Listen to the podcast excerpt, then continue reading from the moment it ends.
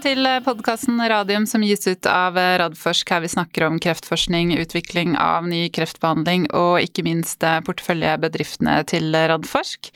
Vi har kommet til episode 212, og den heter så mye som Nikode Therapeutics. Det er blitt 8. februar, klokken er 13. Velkommen, Jonas Einarsson. Takk skal du ha, Elisabeth. Beklager at det er sånn parallell OL. Jeg mener at vi har hatt denne samtalen noen ganger før, hvor du kjefter på ja, har... meg for å ha satt opp podkast midt i spennende ski... Er det ski?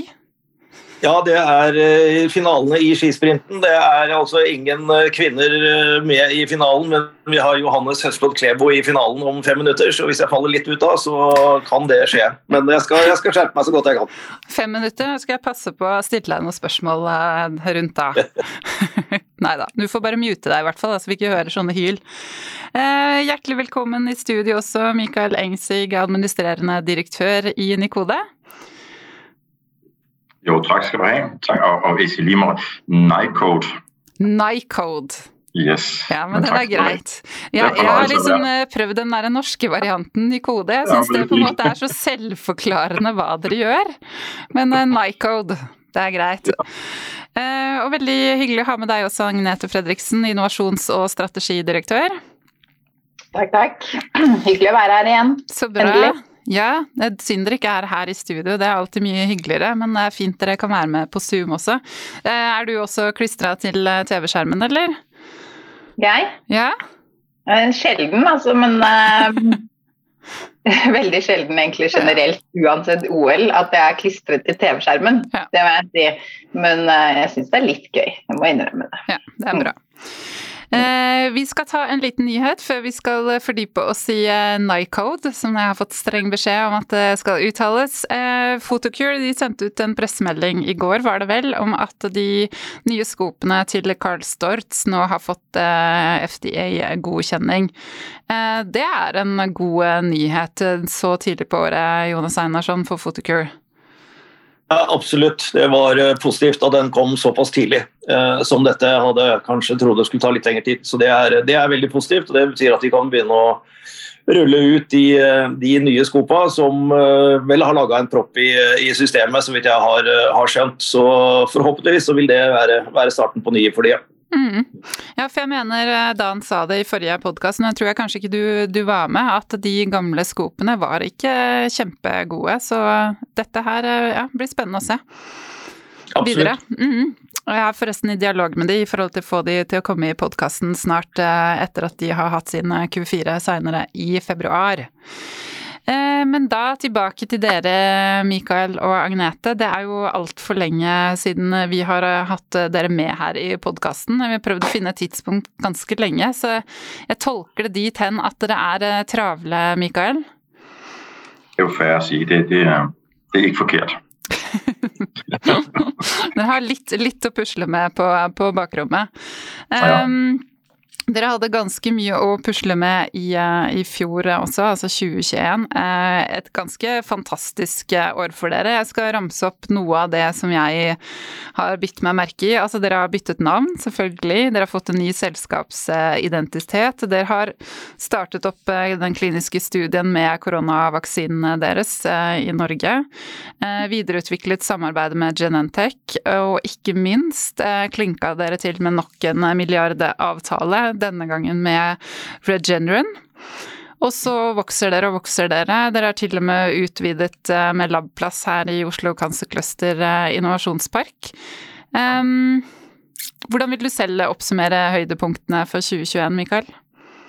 Det blir jo på mange måter på, på samme måte, øh, Elisabeth, som, du, som du gjør det. Men jeg vil, si, øh, jeg vil starte med å si for, for oss var 2021 på mange måter en, øh, en videreførsel og en eksekvering av den strategi vi lagde tilbake i starten av 2020, hvor vi startet på transformasjonen fra å være et lille biotekselskap der var fokusert på to kliniske programmer, øh, til å bli det vi kaller en ekte plattformbasert biotekselskap som øh, fokuserer på ikke kun å ta vores kliniske programmer videre, men også å komme ut og utnytte alle de muligheter der, der ligger i andre ender av vores plattform. Og det er klart, multiprogramaftalen med Regeneron står måske nok som, som den største milepæl i løbet av året, uh, ikke minst set udefra.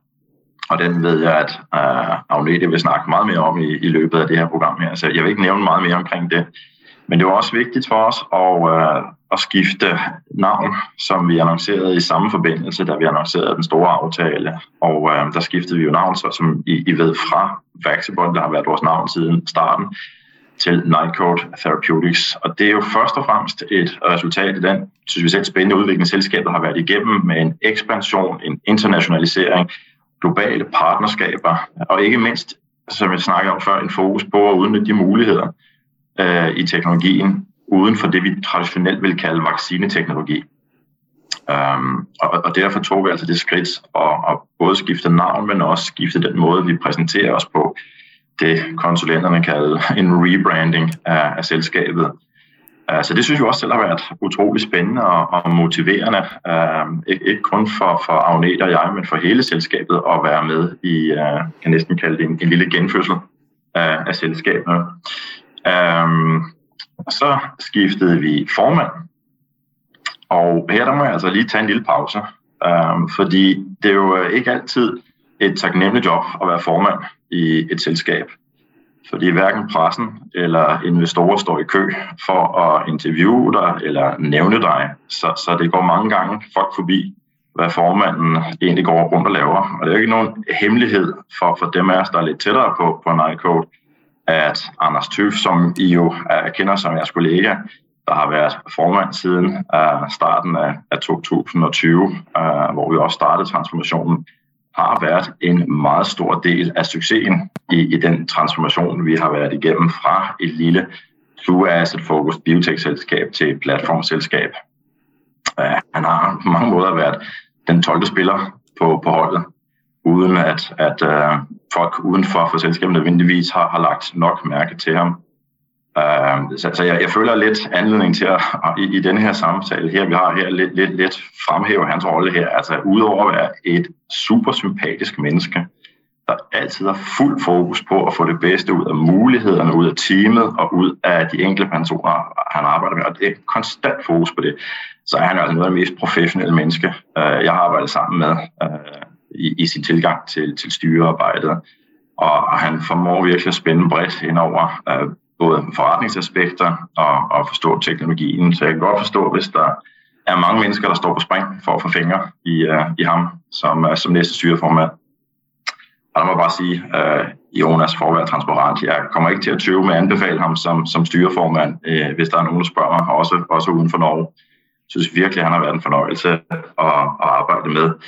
Um, og så er det jo også, uh, det yderligere til hans kredit, at han selv øh, ser behovet for at øh, videreføre stafetten til næste løber eller næste formand på, på holdet. Og der må jeg sige, øh, når nu vi har talt så positivt om Anders, at jeg også er utrolig øh, stolt på, på egne vegne, altså på, på Nike's vegne, over at vi har kunnet tiltrække Martin Niklasen som, som vores næste øh, styreformand. Martin kommer med en lang og meget succesfuld karriere fra, fra industrien, både på ledelsesniveau i øh, biotech, biofarma og farma, og på styreniveau, Øh, så vi kommer i den grad, og det er tydeligt for Agnete og jeg allerede nu, til at nyde rigtig godt af hans kompetence og erfaring inden for øh, at vokse selskaber og professionalisere selskaber, som de vokser, og kunne uh, være med til at bidrage, når vi skal øge vores geografiske såkaldte footprint, hvor vi har vært tydelige på, at vi kommer også til at skulle have aktiviteter kørende i USA. Der har han også stor erfaring. Og så har han erfaring inden for, um, erfaring inden for, utvikling, som vi kommer til at trække på. Vi har selv mange kompetencer der, men man kan alltid bruke folk, der har brukt hele deres liv på den slags. Og så har han selvfølgelig også en kapitalmarkedsstrategi, der går uden for Skandinavien, som vi også håper på at kunne trække rigtig godt på. Så, så det har også en stor transformasjon for selskabet å få, få Martin Niklasen inn.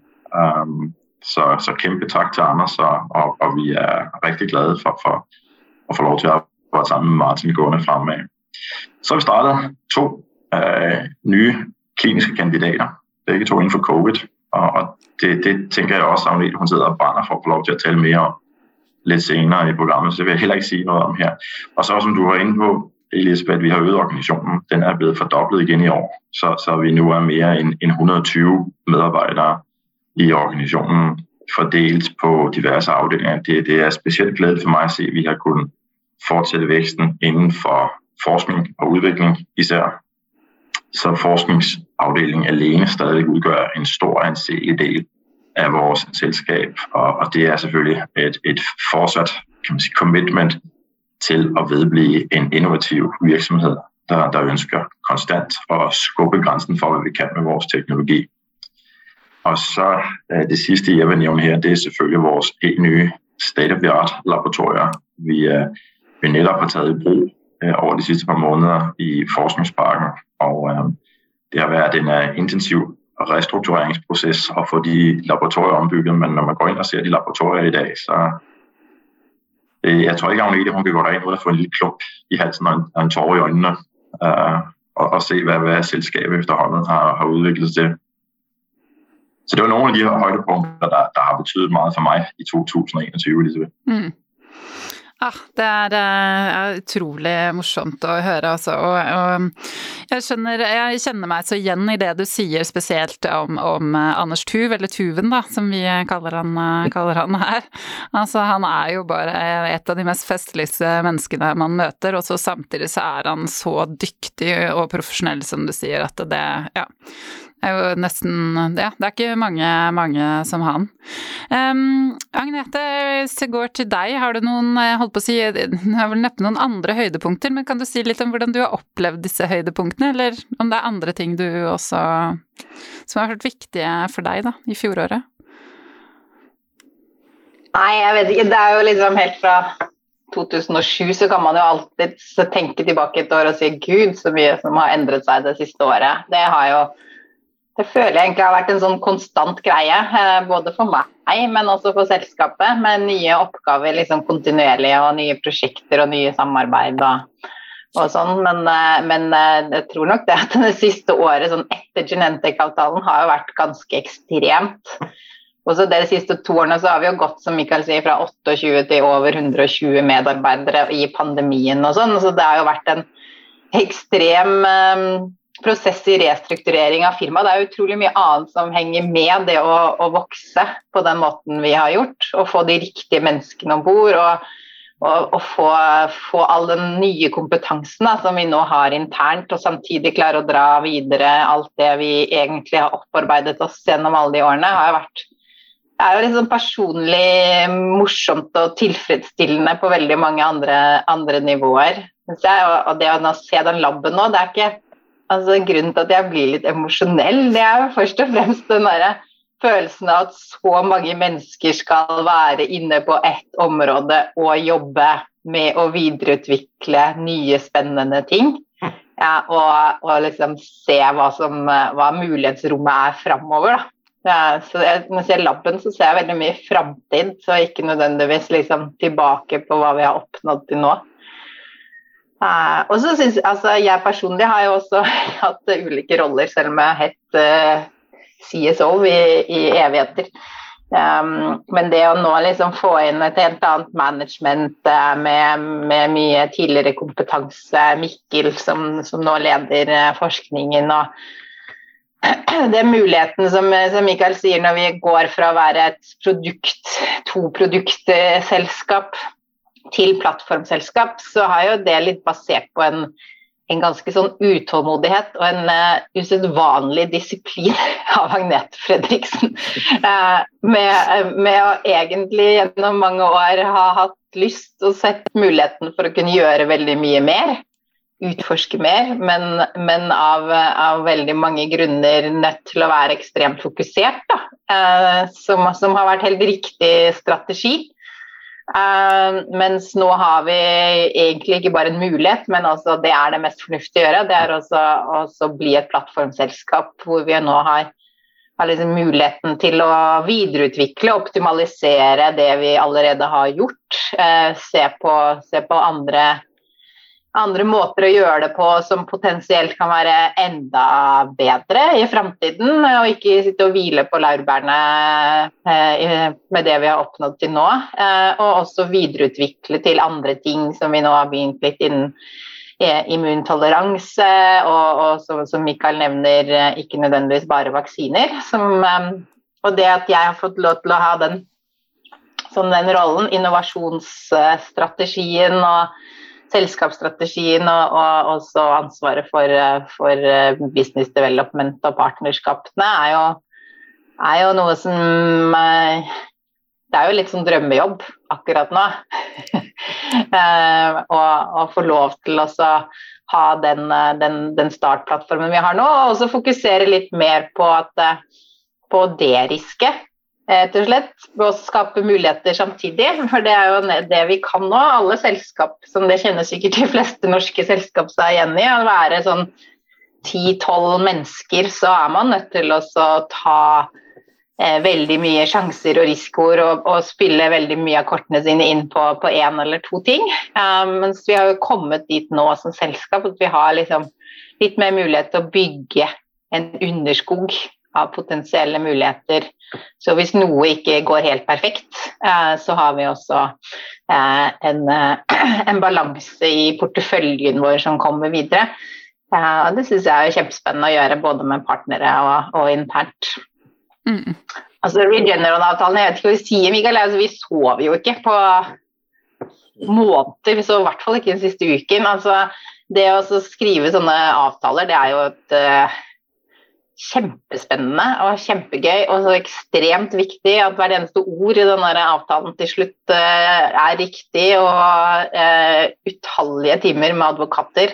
Kjedelige timer når det er på, på, Teams. Det er litt hyggeligere når vi fikk lov å dra til, til New York og sitte og se både advokater og, og, og Regeneron i, i øynene. Um, det er jo hakket mer effektivt også, uh, men, men hele tiden med en sånn man vet jo at det er ekstremt viktig og transformerende for selskapet. Jeg vet ikke om verden rundt egentlig skjønner hvor, stor, eh, hvor mye det har å si for selskapet, og hvor mye derisking det er av selskapet. Hvor større sjanse for at produktene blir At vi får noen produkter som virkelig er banebrytende og, og blir tatt framover um, på den optimale måten i sånn tett samarbeid med partnere. Og også utdanner oss som et norsk biotekselskap eh, på så mange ulike, ulike, felt som vi drar nytte på for, for andre programmer. Ja, så det har jo vært eh, utmattende med, de, med, de, forhandlingene. Og så, og så utrolig deilig å, å, å, få startet, og også veldig godt å ha noen som Mikkel om bord til å til, at, eh, til, å ta over mye av styringen av hvordan vi setter det i gang på laben. Um, før har jeg jo egentlig måttet gjøre begge deler som selv. Uh, så, så det, er, det, er, en kjempereise, var det jeg skulle si. Mm.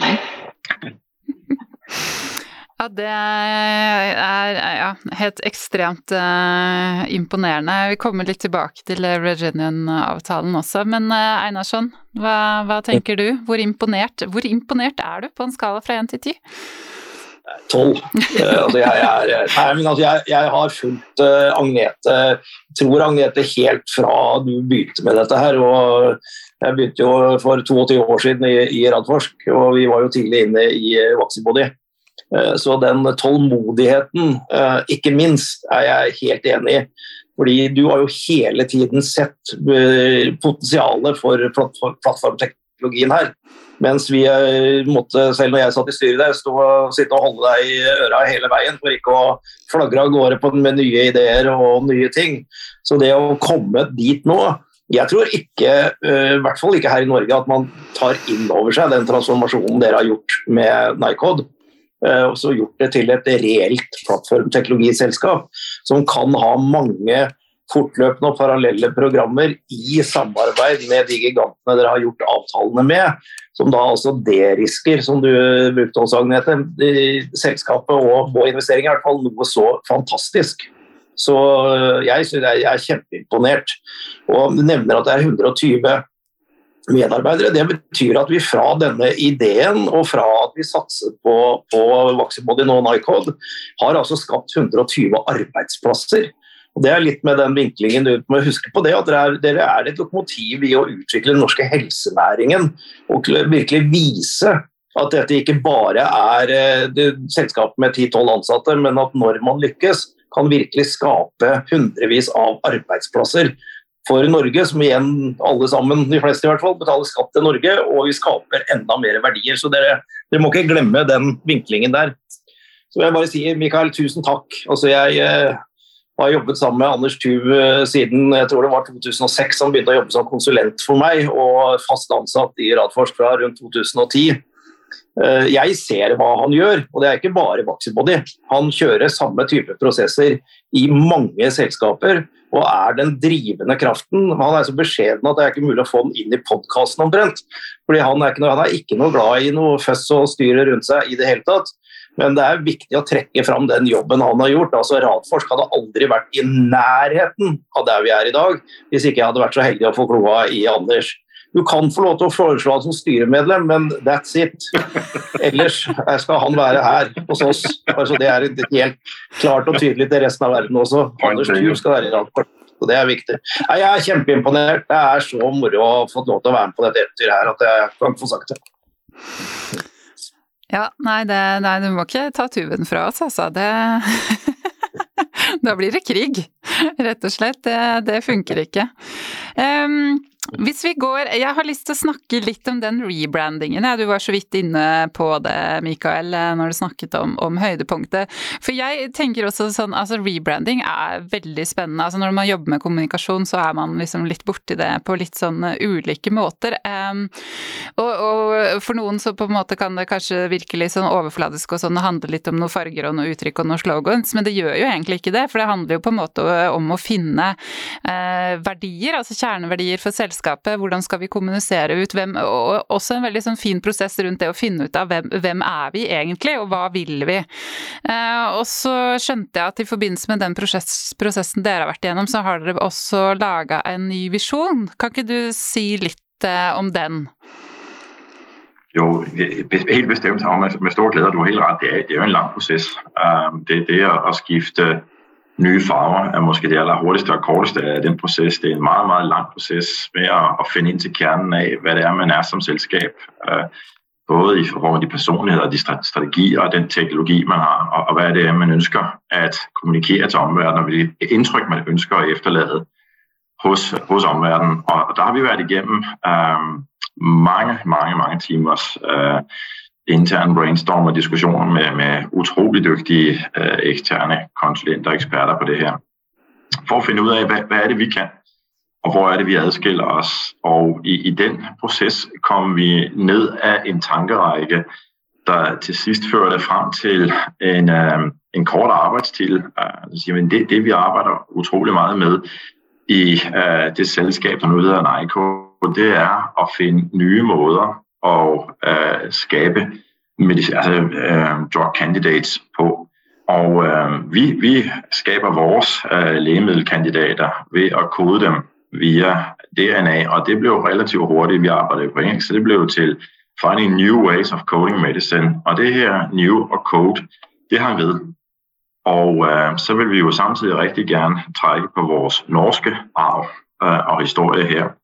Så øh, vi gikk over og tog de norske ord for new og code, og det ble så til Nycode. så, som både øh, klinger ganske fint på, på engelsk. Jeg tror faktisk, at englænderne har nemmere ved at, at finne den rigtige udtale, end, en, en vi har i Skandinavien, hvor vi faller ned i, i en skandinavisk måte å gjøre det på. Men, men det klinger fint derover. Når vi forteller historien, kan vi se, at det skaber en form for resonans hos, hos øh, om det er investorer eller partnere, eller hvem vi snakker med.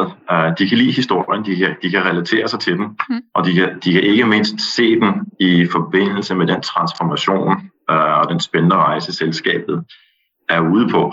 Um, så så det, var, det var virkelig den stille og rolige proces, der førte frem til både det nye navn, men også at det så ville være naturligt at begynde at kigge på vores, vores vision.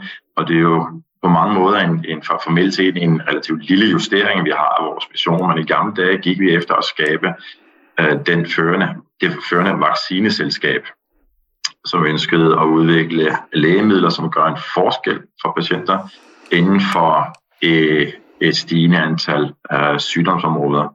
Og nu har vi altså tweaked den til at være øh, det førende immunoterapiselskab. Øh, så, så hvis du bare kigger på ordene, så, så kan det jo godt ligne semantik. Vi går fra at være fokuseret på vacciner over til immunoterapi. Men for oss som selskap er det en kæmpe transformasjon vi, vi er i gang med å signalere. Og det er det også når vi taler med uh, kapitalmarkedet omkring vækstmulighetene og, og mulighetene for, for skabelse av aksjonærverdi, så gjør det en meget stor forskjell om vi er begrenset i, kan man til vaksineteknologi, eller vi tenker kæmpestort på immunoterapi. Så, så det, det, det, kan godt ligne en lille semantisk justering, men det er en meget stor justering for oss som selskap. Mm. Ja, fordi implikasjonene som ligger i det er jo Det er en stor forskjell å gå fra vaksine til, til all, ja. all, terapi. Virkelig. Ja, veldig gøy. Eh, Agnete, har du noe å til, tilføye? Ja, ja masse. Kjør på! Nei, men altså, det har jo vært en kjempeprosess. Og så i utgangspunktet så har det jo vært en videreføring av den strategiprosessen vi har vært gjennom de siste årene, vil jeg jo si. Sånn er vi best er vi liksom, skal, vi fort, skal vi være et kreftselskap og, og begynne med annen kreftimmunterapi? Eller å selge terapi eller andre ting? Eller genterapi? Altså, eh, hva er vi best på? Og så, og så i videreføring på liksom denne her vaksineteknologien. Og det å, å komme ned til kjernen om hvor mye kompetanse vi egentlig har opparbeidet oss på det å sette sammen de riktige delene av ulike gener og linkere osv. imellom, og likevel få liksom, nye ting til å oppføre seg riktig, da, med helt ny kombinasjon av egenskaper. Eh, der har vi jo en enorm ekspertise, så den har vi jo hatt noen runder på. Eh, at liksom, hva er det som er unikt med oss, og hva kan vi bygge på? Så går det også på hvor vi tror vi kan da generere god verdi. Ikke bare Eh, ikke bare på ett produkt, men hvor vi også kan fortsette denne plattformsuksessen som vi har hatt. Så hvor Vaxibody er én plattform som vi med Regeneron egentlig liksom viser at nå har den plattformen virkelig blitt etablert som noe verdifullt. Vi har jo ikke produkter med Regeneron ennå. Eh, men deres eh, samarbeid med oss er basert på vår, vårt arbeid med plattformen som, som, sådan. Og det er jo også en erfaring som vi tar videre eh, med oss når vi nå utvider til potensielt andre plattformer. Men som, men som, fokuserer på dette her, breaking down boundaries og conventional drug design. Vi har vært gjennom mye rart det siste året med sånne som har hjulpet oss. Med, med ikke bare farger, men hvem er Vaxibody eller Nycode ved middagsbordet? Er det rødhåra, eller hva slags klær har de på? Altså, det har vært ganske mye litt annerledes for en forsker um, å gå igjennom. det vil jeg tro på. Litt krangle med Mikael om, om, hva som er gøy og ikke gøy. Men, eh, men eh, altså, sånn, når man har det litt på avstand, så har det, har det virkelig vært en Altså ikke bare noe som resulterer i et nytt, ny farge og, og, nye, og, nytt navn heller, men som egentlig har vært utrolig viktig for oss å som du sier, skjønne hvem er vi, eh, hvor, skal vi hvor skal vi gå. Så det har egentlig vært veldig naturlig del av strategiprosessen også, dette. dette. Da har vi jo litt kule farger, da. Ja, absolutt. Skal jeg, altså, man skal ikke kimse av farger og det etterlatte inntrykket som det skaper. Men, men, poenget mitt er at sånne prosesser er jo ofte det er ekstremt bevisstgjørende, ikke sant. For man må liksom ned til kjernen. Og så er jeg helt enig med deg at uh, hvis man skal liksom diskutere i flere timer om man er den rødhårete ved middagsbordet eller den blonde, da tror jeg jeg hadde gått ganske snart, jeg også. For det ja. Ikke sant? Men så var det ganske gøy. Vi hadde sånn Company Days i en liten sånn periode hvor vi fikk lov å møte alle sammen. Eh, hvor, eh, hvor, jeg og Mikael gikk bak. Skiftet til henholdsvis oransje og lilla. Gikk ut med litt dramatisk musikk. Og Mikael kjørte også liksom Steve Jobs uh, 'There's one more thing'. ok, jeg ser det for meg. Det var en av høydepunktene i året, egentlig. Ja. Eh, med lansering av nye farger og nytt navn. Da. Altså, mm, kommer aldri til å glemme det, egentlig. Ja, det høres, høres, veldig bra ut. Det er, skjønner, jeg får litt sånn Petter Stordalen-vibber, men eh, Så det er kanskje det neste. Nei, det var Mikael. Mikael, for dere som ikke ser oss nå, så Mikael bare rister på hodet. Nå forsvinner han snart ut av skjermen her. blir, nå blir det for mye fjås her. Um, vi, kan, vi, kan, bringe oss tilbake til litt mer, litt mer seriøsitet. Um, jeg vil bare ta opp det du sa i forhold til Regeneron, eh, Agnete. At når du sier at folk ikke forstår hvor stort dette er, kan du ikke prøve å få oss til å forstå det, og forstå hva som ligger i den avtalen? For jeg har i hvert fall hatt litt sånn derre Altså, jeg skjønner det er en kjempeavtale, men så altså, har jeg hatt litt problemer med å skjønne hva er forskjellen på den avtalen dere har med Regeneron, og den dere har med Genentech fra før av. Så hvis du kan Eh, opplyse ikke bare meg, for jeg håper det ikke bare meg. Altså, det er jo, det er jo liksom mange fasetter her, da. Men altså, avtalen med Genentech jo, var jo vår første sånn ekstrem validering av det vi hadde gjort. I tillegg til, til det som kanskje ga oss litt igjen sånn, i, sånn, sånn personlig, var jo at vi hadde tatt en ganske stor risiko med å fokusere på noe som så såpass komplisert som individualisert vaksiner. Um, og, og, det er ganske mye man skal ha på plass der, ikke bare den ene liksom, DNA-konstruktet sitt, men det er utrolig mye mer som skal fungere uh, som, uh, i, de, i, den tidlige kliniske utviklingen. Og, og virkelig sånn banebrytende i forhold til alt som er regulatorisk, og hvordan how, how we traditionally do things in, in drug development, er en setning som ikke akkurat passer så godt på Nycode sin historie.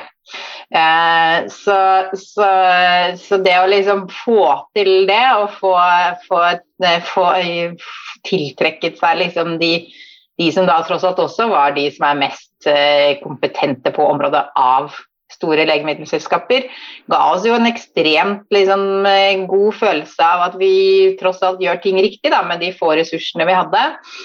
Eh, og så er det en kjempe altså, Det tror jeg også folk ikke helt skjønner. Det gjelder både Genentech og Regeneron. Det å liksom nå operere på mange måter som ett team, men allikevel to team. Alle de dialogene og all den kunnskapen som de sitter på i disse selskapene her, flyter jo rett inn til oss eh, hver dag. Så det, så, så det, det, er en kjempehjelp for også videreutvikling av selskapet. At vi nå har en eller annen eh, samtalepartner på andre siden som har samme interesse som oss, at disse produktene skal bli så eh, verdifulle og effektive som mulig. Og, og, vi lærer jo utrolig mye. Så med Genentech så er det jo det som er hovedforskjellen, er jo tross alt at det er ett produkt. Et produkt som vi hadde Eh, utviklet selv, tatt det inn, gjort preklinikk, funnet ut av hvordan det fungerer, hvordan vi skulle gjøre det i hvert fall i begynnelsen. Og, og, ta det inn i klinikk og få lovende data på safety, immunogenicity og, og, og tidlige tegn på effekt, hvor de kunne se på dataene. Eh, evaluere de. Eh, det er jo generelt veldig vanlig at disse selskapene tar noen av konstrukter og tester sånn internt gir oss jo veldig sånn komfort eh, på at det vi har er eh, godt og potensielt da bedre enn alle andre vaksineteknologier som er der ute. Men det er jo ett produkt som vi liksom har investert i, og så tar de etter hvert over. Så nå jobber vi jo ekstremt tett sammen med Genentech på alle mulige felter. På forskningssiden, forstå liksom alt om mechanism of action, hvorfor funker det ikke, doser, alt mulig rart. Um, og på bioinformatikksiden, det å liksom lære hva er det, hvordan skal vi velge de riktige antigenene. Produksjon, produsere noe på så optimalt som mulig på én pasient per, per batch. Det er jo ekstremt mye læring som går tilbake til oss. Og så kjører vi den ene kliniske studien nå, og så, så, hvis, så er det da en overføring til Genentech, hvor vi egentlig liksom sier at nå, nå er det deres ansvar og ta det videre. Men akkurat nå er det jo veldig intens læringsfase. Regeneron er jo noe annet, fordi vi har jo Jeg tror jo i 2019 så tror jeg folk ikke helt skjønte det som jeg har vært utålmodig på hele tiden, at vi kan jo gjøre veldig mye mer. Vi ble jo oppfattet som en sånn individualized kreftvaksineselskap, mens det er jo egentlig ikke det vi er. Vi har jo hele tiden vært et plattformselskap. Så det å liksom få gjennom den kommunikasjonen litt sånn sakte og sikkert, og så fortsette å bevise at det er vi faktisk, at vi har, kan ganske mye mer ut fra plattformen, har jo vært noe vi har bygget opp. Eh, Regeneron så jo det ganske tidlig. De syns jo også liksom, å gud, det er spennende det dere har gjort hittil på de programmene dere har, eh, men vi er mest interessert i å lage nye ting. Og sitter, satt, de sitter jo med masse kunnskap, har masse pasientmateriale, har en haug med ekstremt kompetente eh, forskere, sikkert medlem av en eller annen klubb alle sammen. Og eh, sitter med masse, men de har ikke den rette vaksineteknologien. Sant? Så de eh, trenger noen som, som, kan hjelpe dem da, med å få de beste resultatene ut av den kunnskapen de har generert. Og det å liksom At de velger oss, det er tross alt tusenvis av vaksineselskaper i verden. Eh, og det er jo ikke sånn at eh, det er to som har lyst til å, å jobbe med selskaper som Regeneron. Um, så det å liksom bli valgt ut for å, å, være plattformen, da, hvor man begynner egentlig helt på scratch og tar deres kunnskap, våre kunnskap, og mikser det sammen, drar det framover der vi tar nytte av hverandres unike kompetanse hele veien, egentlig. Og de også betaler jo Mikael sier at det er ikke så farlig, for det er så lite, men altså, de betaler jo alle. De betaler jo tross alt også alle våre kostnader og, og, og personer som jobber med dette.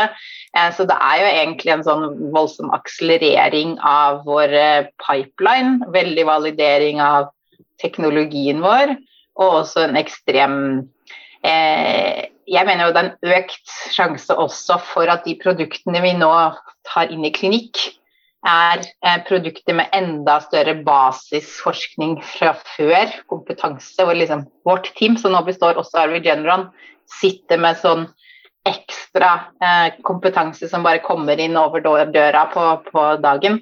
Som gjør at vi, de produktene er jo derisket litt i forhold til eh, hva vi kunne finne på internt. Selv om vi har jo muligheten for å gjøre det internt. Og det har også vært en ekstremt viktig del av de lange forhandlingene. Det er jo å finne ut hva skal Regeneron få lov til å gjøre med oss. Og hva skal vi liksom bevare som framtidige muligheter til å gjøre selv eller sammen med noen andre. For hvilken pris og under hvilke forhold og, og, og, sånne ting. Så da har det jo vært veldig viktig for oss å liksom mappe hele landskapet og hvor mange ulike kreftvaksiner Dette er jo ofte skjelv. Det betyr at det, en vaksine i disse programmene de er jo laget for å behandle mer enn én pasient. Individualized, som gjør med Genentech, er bare laget med en intensjon om at én vaksine skal brukes til én pasient. Men det betyr ikke at det finnes én vaksine som nødvendigvis funker i alle lungekreftpasienter. Du kan jo dele opp pasientpopulasjonen i veldig mange ulike undergrupper. Sånn at vi ser jo for oss at framtiden, mulighetsrommet for å få best mulig effekt, så bør man jo kanskje lage ganske mange forskjellige typer off the shelf kreftvaksiner som fungerer da relativt optimalt i disse pasientsegmentene. Så Derfor har vi vært veldig opptatt på det med Regeneron, at vi, vi, velger å jobbe med Regeneron der de har unik kunnskap på noe som vi ikke kunne gjøre selv, innen visse pasientsegmenter, og bevart liksom, mulighetsrommet for, for videre utvikling innen kreftvaksiner. Da. Fortsatt til, til Nycode. Så de, de sånne avtaler skrives ikke på dagen. Nei, det høres ekstremt eh, komplisert ut eh, juridisk. Altså først forskningsmessig ut, men så å liksom få det ut i et juridisk språk, som du sier da, i forhold til hva, hva skal dere beholde rettighetene til, hva har de rettighetene til, hvordan skal vi fordele dette, altså pengemessig også. Det, ja. Eh, jeg skjønner at dette har vært noen advokater involvert her, ja. Ja, det er sånn det er av og til litt godt å da sitte og snakke om rødt hår eller blondt hår. som, en av, som, en avveksling. Eh, bare veldig kort, hva er status da på den eh, kliniske studien som dere har med Genentech? Vil det da komme noe eh, data derfra i løpet av året?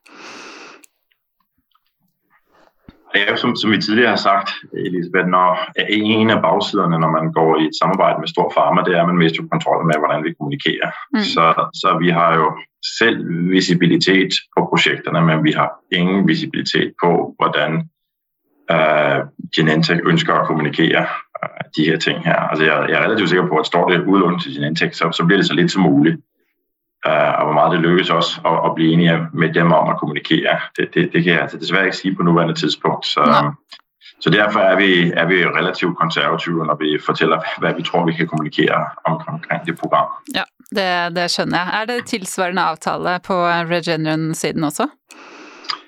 Det er noe lenger ude i fremtiden, kan man sige, for der er vi i, i gang med de tidlige. Um, så, så der vil vi så sige, der vil vi have svært ved at skjule fremskridt, når vi rykker igennem de forskellige faser. Så, så der vil man nok nemmere kunne følge med i, hvad der sker af fremskridt. Mm. Men, men jeg tror som udgangspunkt skal man regne med, at når vi går i gang med, med de kliniske faser, så vil, så vil Regeneron have samme interesse i ikke at, at kommunikere for, for meget øhm, omkring projekterne. Og det er bare den, den tilgang, Pharma har fordi de ikke i samme grad er afhængige af at, at kommunikere deres fremskridt. De betragter det som langt mere kompetitivt uh, information, og derfor sidder de på det i stedet for at dele ud af det. Mm.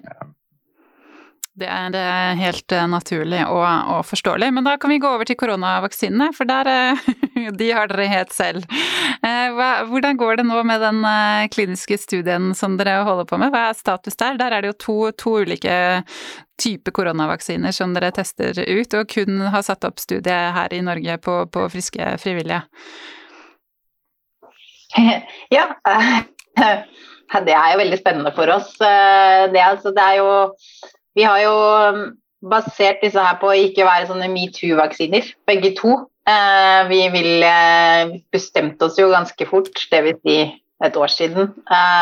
Klart at vi ikke ville lage en sånn Wuhan Spike-basert vaksine med vår teknologi, selv om, selv om, vi jo har sett tidligere, spesielt på T-cellesiden, at, at, vi lager en litt spesiell T-cellerespons, som er grunnlaget til hvorfor Genentech og Regeneron og sånn vil, vil, jobbe med oss. Um, så, så, det å, å, nå endelig komme såpass raskt da, i klinikk som vi har, for vi startet jo faktisk disse to vaksinene i 2021 og kom inn i klinikk i 2021, det er jo noe som eh, jo disse mRNA-selskapene gjorde, men med ganske mange flere ansatte og, og, og stø, offentlig støtte enn det, enn det vi selv eh, hadde på det tidspunktet. Så så vi er jo veldig stolt av hva vi har fått til der. Eh, så er det, jo, det er jo kanskje det mest dynamiske feltet å operere i, hvor det kommer nye varianter annenhver uke, og, og, så tror alle at det er over. og så og så uh, blir vi syke, så blir vi ikke syke, og så har alle fått det i løpet av noen uker eller ikke. Det er så utrolig store endringer uh, å følge med på, som er, som er, spennende og utfordrende. Og sånn sett er vi veldig glad for at vi har fokusert på de de type variantene som vi har, som begge to i prekliniske studier har vist å gi en eh, bredere effekt mot de forskjellige varianter samtidig, da, med én vaksine. Eh, og Det er jo basert på at vi, vi jo, jo vi forutså jo at det ville komme ulike varianter hvor de dagens vaksiner ville få redusert effekt. Eh, så, så, har vi jo hatt veldig god eh, hjelp på de vaksinene som er, er, nå, men vi ser jo at de ikke er ideelle. Så det er jo rom for å lage vaksiner i framtiden eh, som eh, er bedre på veldig mange måter enn en det som nå finnes på markedet. Eh, og sånn sett så har man jo litt, kanskje litt etter hvert litt mer ro på seg, fordi vi tror jo også det at eh, det koronaviruset forsvinner jo ikke. Um, og det kan komme nye varianter osv. Så, videre, så det at vi trenger en, en jevnlig vaksinering mot koronaviruset eller nye vaksiner som er bedre egnet eh, til å gi mer langvarige responser og sånn, er absolutt til stede. Eh, så vi føler jo at vi har liksom tatt de riktige skrittene igjen. Eh, det er jo litt sånn eh, godt. Um, så nå, men nå handler det jo om å jeg skulle bare si at, Men allikevel så er det jo litt sånn i og med at vi gjør noe annerledes, så er det jo mye spenning for oss også rundt disse kliniske resultatene. I forhold til den ene, vi har jo tross alt første gangen vi, vi ser på, på, antistoffresponser i mennesker. Vi har jo ganske mye, mener vi selv, gode, sterke data på T-cellesiden med våre kreft, kreftvaksiner. Eh, og, men dette er første gang vi da gjør noe i, i mennesker hvor vi også ser på antistoffresponser. Eh, og har veldig gode prekliniske data på det, så det blir spennende å se. Og så, og så, er det jo dette med T-cellebasert immunitet i infeksjonssykdommer. Det er, da opererer vi i det feltet hvor vi egentlig føler oss ganske komfortable med å være litt eh, banebrytende. Fordi de fleste som jobber med infeksjonsvaksiner, har, har basert veldig mye på målinger rundt antistoffer, fordi det er så mye enklere å gjøre. Um, og nå driver jo hele verden og flytter seg litt i forbindelse med teknologier, hvordan måle hvordan eh, tolke og hvordan egentlig trigge riktige T-celleresponser som potensielt da kan, kan, eh, kan bidra da til, til, klinisk effekt. Eh, og Det er jo egentlig der vi syns det er spennende å operere som et biotech-selskap. Fordi hvis man treffer riktig på riktig tidspunkt, så er potensielt verdien og nyhetsverdien av det vi, det vi bidrar med, såpass stor. Så på, vi har jo en T-cellekandidat som eh, vi ser jo at har, akkurat på det feltet så har vi jo nesten ingen konkurrenter. Um, og ikke bare at vi ikke har konkurrenter, men vi mener jo også at dette samarbeidet vårt med Adaptive Biotechnologies, hvor vi har en, fått den grunnleggende kunnskapen og all erfaringen de har på, på hvilke T-celleresponser som har vært de riktige responsene i pasienter, som vi kunne basere helt fra design av vaksinen på, ha, føler vi jo veldig mye sånn komfort på at, at eh, skal man lage en T-cellevaksine, så mener vi at vi har en ganske så unikt godt utgangspunkt. Uh, så, så det, er mye, det, er mye, og er jo, begge er jo laget da, for å liksom potensielt kunne gi både en mer langvarig respons, håper vi på, og en respons eh, som ikke er så sensitiv ikke får dårligere effekt da, når det kommer neste variant eh, av, eh, av, koronavirus. Så det er liksom Det er mye sånn proof of concept, proof of principle eh, i, i, disse studiene eh, for oss. Og det er også masse spennende undergrupper med, med f.eks. pasienter som som, eh, som, har eh, enkelte utfordringer med immunforsvaret. Eh, hvor disse vaksinene kan, kan, potensielt være veldig verdifulle i framtiden. Så masse jobb av et stort team, eh, og inkludert Adaptive her også. Eh, så det er jo en grunn til at vi er litt busy. Um, og vi rekrutterer og rekrutterer. Vi har ikke noen resultater ennå, men eh, det blir jo en spennende dag. Ja. Kan man forvente at de kommer i løpet av året? Jeg husker ikke helt hva dere har guida på der. Ja, du, Agnete, Agnete nikker, så jeg oversetter. Halvår, har vi sagt. Ja. Så bra. Det blir spennende å se på. Vi har fått noen spørsmål om, eh, om de studiene som vi skal ha når vi tar spørsmål fra, fra lyttere, men uh, begynner å nærme oss slutten på mine spørsmål. Jeg, jeg må spørre dere i forhold til 2022 uh, spesielt, da. Hva er milepælene vi skal følge med på? Hva er liksom nyhetsflowen fra deres side? Altså, vi har jo sagt på, på, på generelt så har vi guidet at vi kommer til å frigive resultater på vores uh, covid-studier. Og vi kommer til å frigive det vi kaller interim-analyse på vores VBT16 C02-studie med, med, patienter med advanced cervical cancer. Um, og det, det, er de, de to tettest forestående uh, nyheter man kan se frem imot. Så har vi også vært ute og fortalt, at vi kommer til å oppdatere en lille smule på hvordan vi ser på hele aspektet med at få taget kontroll over øh, supply chain, altså produktionen af, af vores øh, lægemiddelkandidater. Så det kommer vi også til at give en, øh, en lille smule opdatering på. Og så har vi jo, så har vi jo også været ude og, og tale en lille smule om vores kapitalmarkedsstrategi.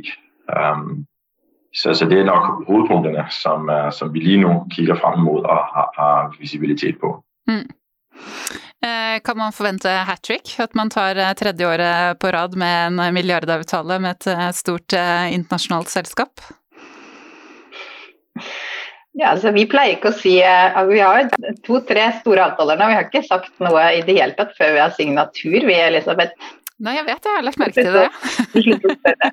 Uh, nei, altså, men nei, vi, altså, vi, snakker jo selvfølgelig med alle. Vi har jo etablert nå kontakt med, med disse, det, det, skjønner vel alle. At mm. vi har, vi har jo gode kontakter inn med selskapene. Og så er det forskjellige Altså Som jeg snakket om Regeneron og, og også for så vidt Genentech, de gjøres jo ikke over natten. og Det er jo også fordi at eh, selv om vi er et lite selskap, så må man jo hele tiden kjenne på hvor sultne er de, og hva er de villige til å gi, kontra hvor viktig er denne avtalen for oss i forhold til hva vi egentlig da oppnår eh, av, eh, av, advokatspråk i avtalene.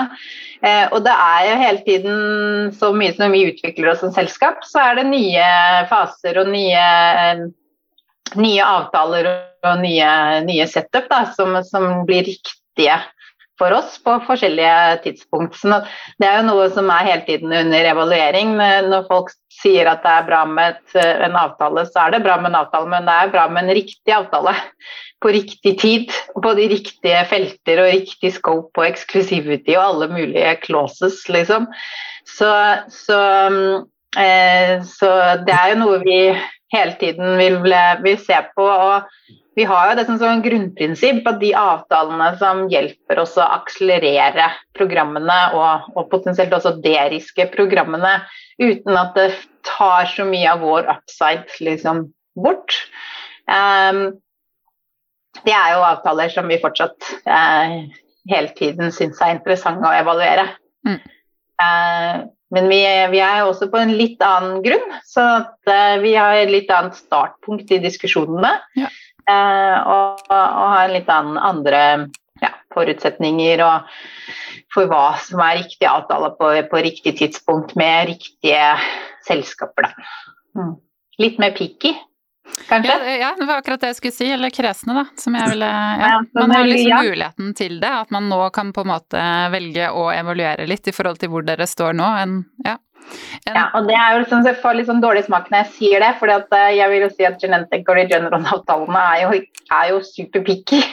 Men der har vi også vært litt heldige, um, tror jeg. At vi kunne jo godt ha vært pushet inn i å gjøre avtaler som hadde litt dårligere forhold og terms eller med andre partnere på de, de tingene på et tidligere tidspunkt.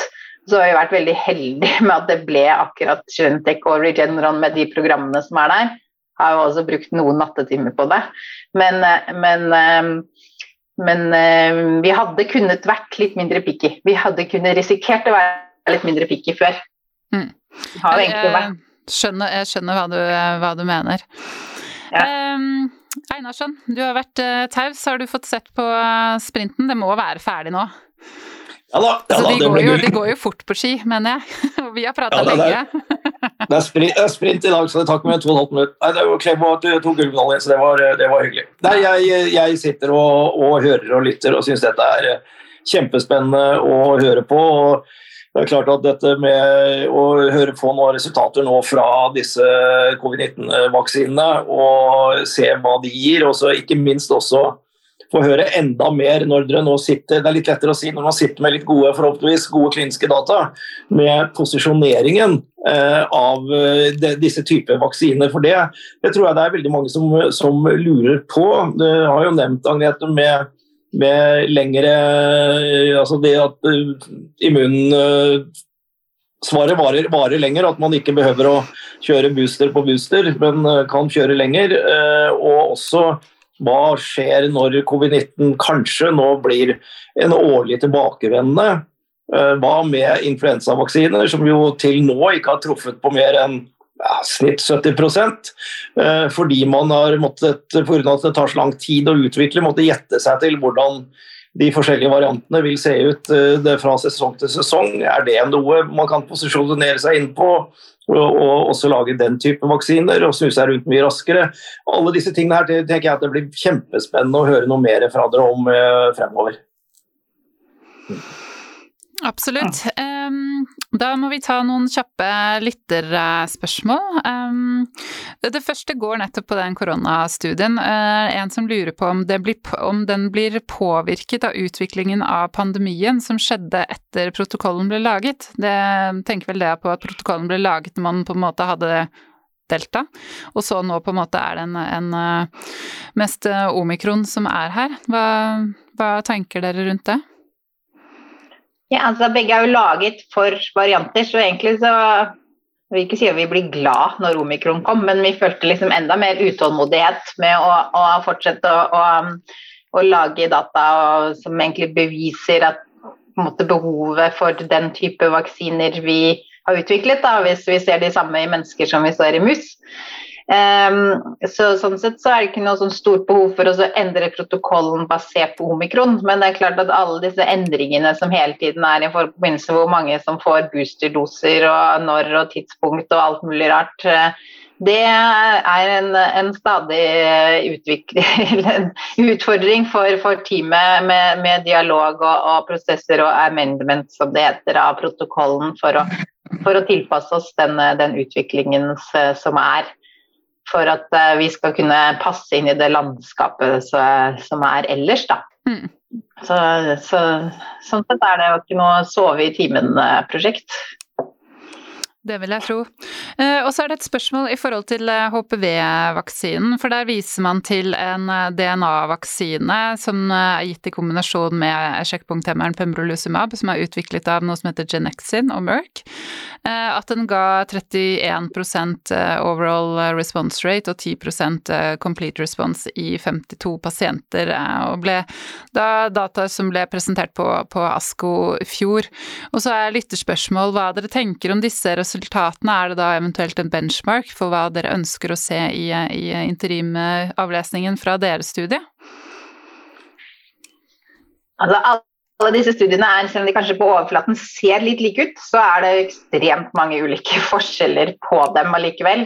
Eh, som igjen gjør at en å sammenligne to ulike studier eh, med forskjellige vaksiner kombinert med forskjellige sjekkpunkthemmere ser kanskje litt likt ut, men, men, det er jo en grunn til at man etter hvert liksom går med type eh, placebokontroll eller, eh, eller standard of care-kontroll head to head for å være sikker på at man har den riktige sammenlignbare grupper. da.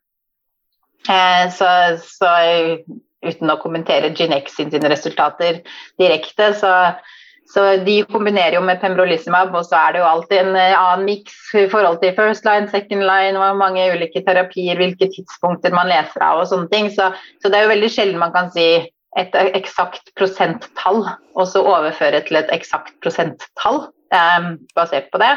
Men det er klart at det, det er jo enkelte ting i andre Eh, andre studier som er viktige for oss for å, for å se eh, delvis på hvordan vi ligger an. Men det aller viktigste er jo å få så Det man gjør med sånne kliniske studier, er jo å få en slags eh, indre ro, kontroll, eh, comfort på at det man selv gjør, eh, gir mening mm. over eh, hvis man ikke hadde gitt vaksinen sin i de pasientene man selv behandler, sammenlignet med, med det, det, å ikke få vaksinen vår.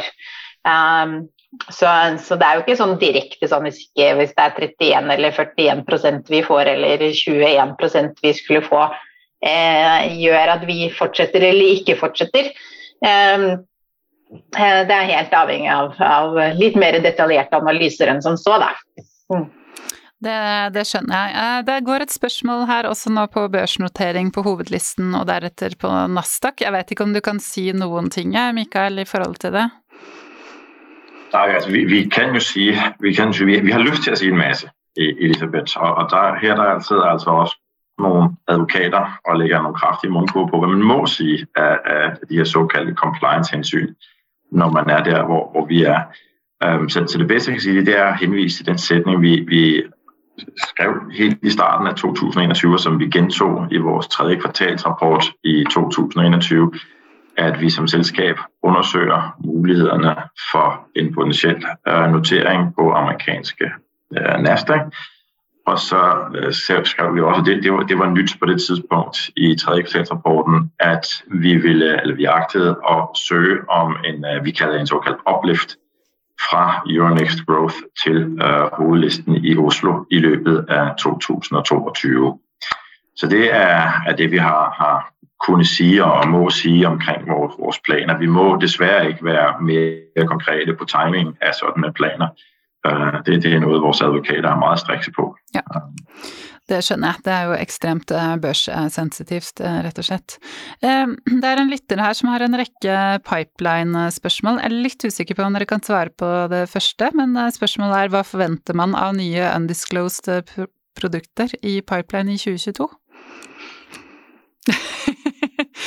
man kan si man forventer mye? Jeg er helt sikker på at det er en advokat som sier at vi kan ikke si noen ting. ja, da går vi, da kan vi... Undisclosed. Undisclosed er undisclosed. Sånn er det. Ja, ikke sant. Eh, neste spørsmål går det kanskje an å tenke litt rundt, eh, i hvert fall. Altså, hvordan ser Nycodes pipeline ut den dagen man kan kalle seg et fullverdig portfolio- og biotekselskap? Og da er det tolkningsspørsmål hva som ligger i et fullverdig. Jo, men, men, vi har jo sagt at vores strategi er uh, todelt. Og det er den som et resultat av vores, vores beslutning om å bli plattformselskap. Så vi vil på den ene side fortsette med å legge kraft i å utvikle vores, uh, vores kliniske kandidater. Og på den anden side, parallelt hermed, øh, vil vi fortsætte med at udvide vores, øh, vores fokusområder ud i nye måder og nye, nye muligheder for, for platformer, også uden for de terapeutiske områder, vi er i nu, altså de sygdomsområder, øh, og uden for den måde, vi bruger teknologien på nu, det vil sige uden for vaccineområder.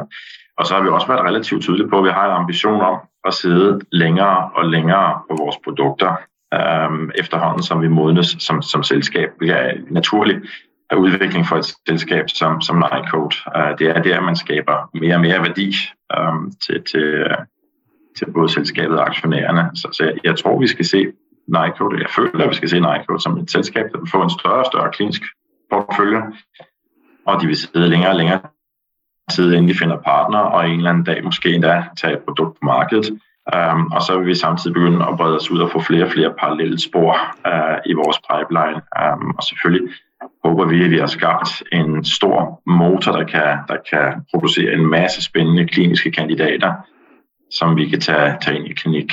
Og, og, så er det ikke sånn at oh, one size fits all. Altså det, det, blir noen produkter de, de skal formentlig ha partnerskaper tidligere enn andre, men det er en generell generelt ønske, at vi ønsker å sidde lengre tid og selv fange en større del av den verdiskapelse der er, innen man, inden man sælger det ut. Så tror jeg, man vil se oss uh, utvide yderligere. I dag har vi størstedelen av vores ansatte i, uh, i Oslo og et lille kontor i, uh, i Danmark. Og vi har jo sagt, at vi ønsker å utvide vores geografiske footprint. Vi har også vært tydelige på, at en av grunnene til, at vi synes, en av de mange grunde til at Martins kompetencer er så uvurderlige for oss. Altså vores nye styreformand, det er at han har erfaring med USA. Så, så det er også helt naturligt å, å se oss gå i den retning uh, i, i, en ikke så fjern fremtid. Mm. Jeg vil jo bare legge til at altså, mange som sier det er plattformselskap. Hvis de har ett produkt som kan brukes i forskjellige pasientpopulasjoner, så er det jo noen som sier de er plattformselskap.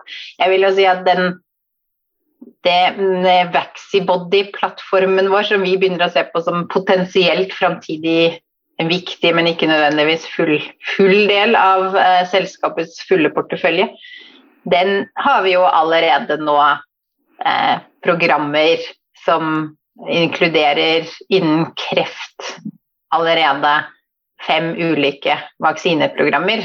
Eh, så det er jo en fullverdig, i mine øyne, plattform selskap. Eh, og så begynner jo vi å se såpass mye utover at når, når, vi får en ting innen immuntoleranse, så blir det en ny plattform. Det blir jo dobbeltplattformselskap. Og eventuelt eh, om, om, det fungerer infeksjonssykdommer med den samme plattformen, eller twister av plattformen, eh, forbedringer av plattformen etc. Det er jo litt mer en sånn eh, fullverdig legemiddelselskap vi sikter mot mm. framtiden. Plattform har vi. Ja. Rett og slett. Eh, og jeg tenker også på det som Jonas sa i stad, at dere, jo, altså dere har jo utkrystallisert dere nå på et par år som Norges nye biotek-lokomotiv, og, og, da den veien som er naturlig å gå da videre, er jo å bli et legemiddelselskap som nettopp på en måte utvikler eh, produkter og tar det, tar det hele veien selv. Så det, ja.